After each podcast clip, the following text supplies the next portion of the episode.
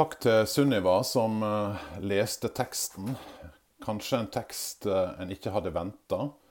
For jeg tror at uh, hvis vi hadde spurt folk i Norge og rundt om i verden om hva burde pastorer og prester snakke om denne søndagen, så hadde nok fortellinga om Maria som får besøk av en engel, havna langt ned på lista. Ja, jeg tror neppe den hadde vært på noens liste. Og kanskje noen tenker at ja, det viser vel bare hvor utdatert kirka er. I en situasjon der hele verden er bekymra for et virus, så skal kirka snakke om jomfrufødsel og englebesøk. Forteller ikke det at kirka er ute av synk med den virkelige verden som vi lever i? At den faktisk er så gammeldags og utdatert som en hadde tenkt? Ja, jeg tror jo ikke det.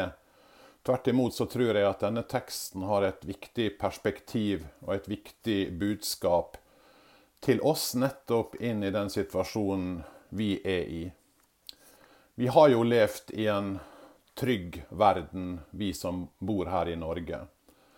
Eh, ingen av oss har opplevd noe sånt før hvis ikke vi opplevde krigen. Men eh, gjennom historia har jo mennesker til alle tider opplevd kriser og katastrofer, sykdom og pest, og mange slags eh, vanskelige tider.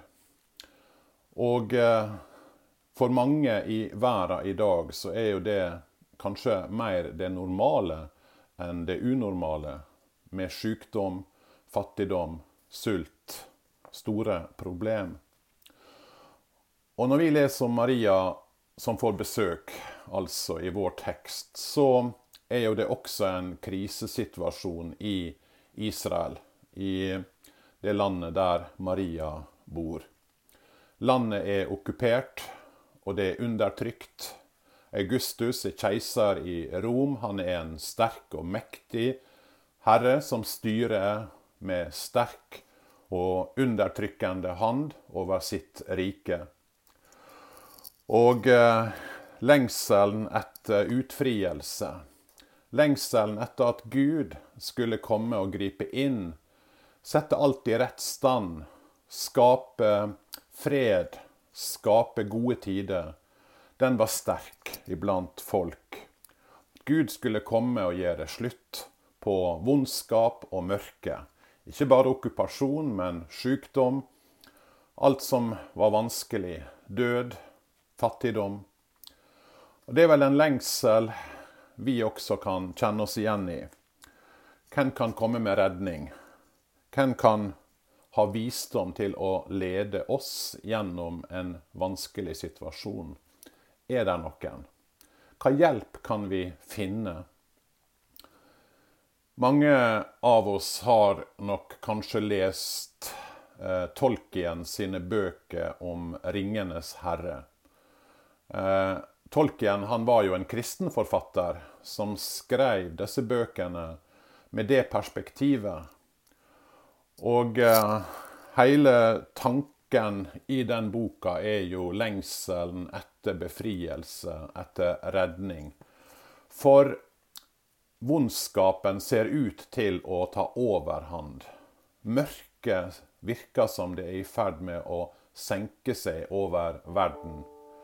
I denne situasjonen så er det altså at Gandalf eh, kommer til de aller minste, disse hobbitene, disse små, og spør dem om de vil være med han for å redde verden.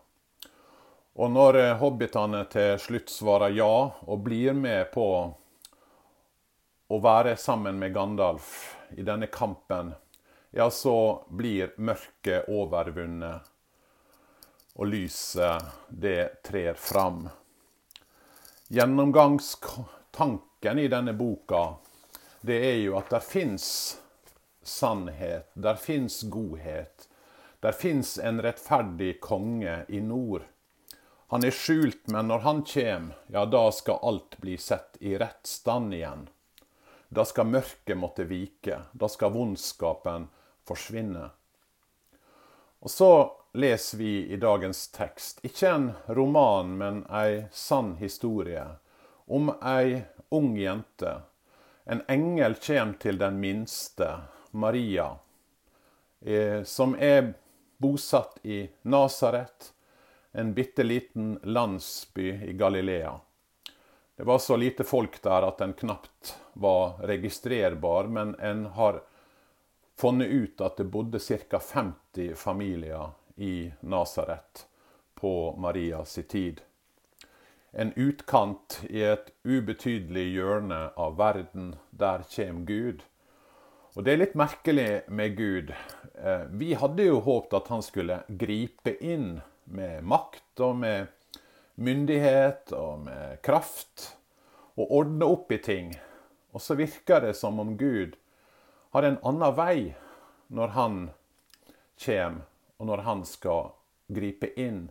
Han kommer til den minste, den lille, den svake, den som virker som ikke er noe spesielt.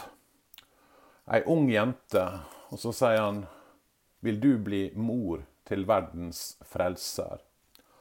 Han som, slik som vi hørte, skal være stor og kalles den høyeste sønn.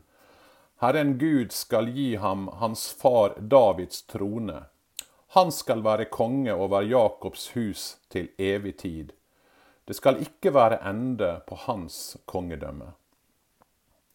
Den sanne kongen kjem, sier engelen. Han som skal være konge til evig tid.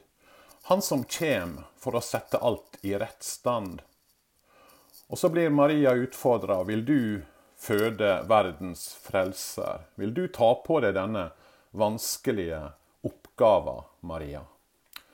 For det var nok ei vanskelig oppgave, ei krevende oppgave. Vi tenker jo ja, klart en engel kommer på besøk, så svarer vi jo ja. Men så enkelt tror ikke jeg det var for Maria. Josef kunne forkaste henne ei enslig gravid kvinne i det samfunnet blei betrakta som utuktig. Og kunne i prinsippet steines, sjøl om det nok veldig sjelden skjedde. Men uansett ville det bli rykte, og Nasaret var som sagt en liten by. Og rykta ville gå, og hun kunne nok rekne med å bli mobba. Og i tillegg sto i fare for sitt eget liv. For engelen sier jo at dette barnet som hun skal føde, han skal bli konge. Og for andre konger så ville jo det være truende, slik som jo også Herodes opplevde det eh, ni måneder seinere, når Jesus blir født. Og han får vite om dette barnet. Så prøver han å utrydde det. Og Maria og Josef de må flykte til Egypt. Og de må bo der i flere år før de kan vende hjem igjen til Nasaret.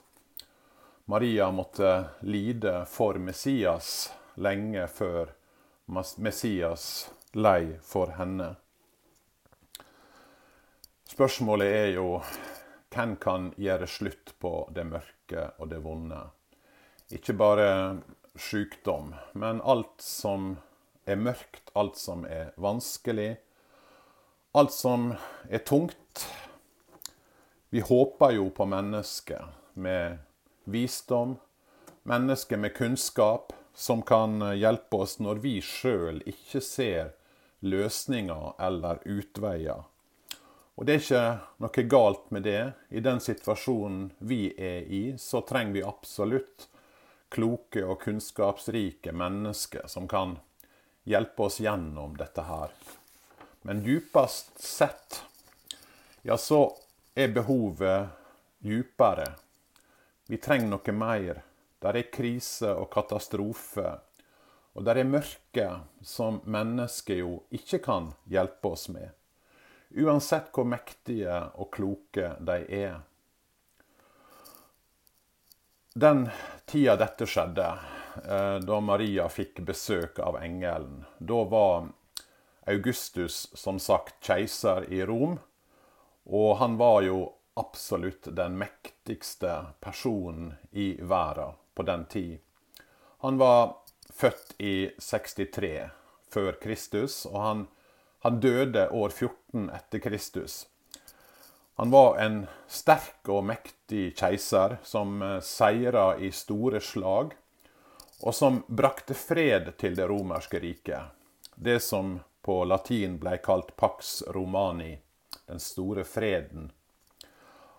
Han hette egentlig Oktavian, men han tok navnet Augustus da han ble keiser. Og I tillegg så ble han kalt Guds sønn. Og han var som sagt den som brakte fred, og han blei kalt Frelseren, den frelseren som gudene sendte. Og når hans keiserdømme starta, så blei det forkynt rundt om i hele verden som det glade budskapet. Og det ordet på gresk, det er evangelium. Og jeg vet ikke om dere merker eh, disse orda som blir brukt om keiser Augustus. I år ni var det laga en inskripsjon som en har funnet. Og på den inskripsjonen om keiser Augustus så står det Ved å sende Augustus som en frelser for oss og for de som kommer etter oss, for å stoppe all krig, dvs. Si skape fred, så var Augustus' fødsel begynnelsen på de gode nyhetene, dvs. Si evangeliet, som har kommet til alle mennesker gjennom ham.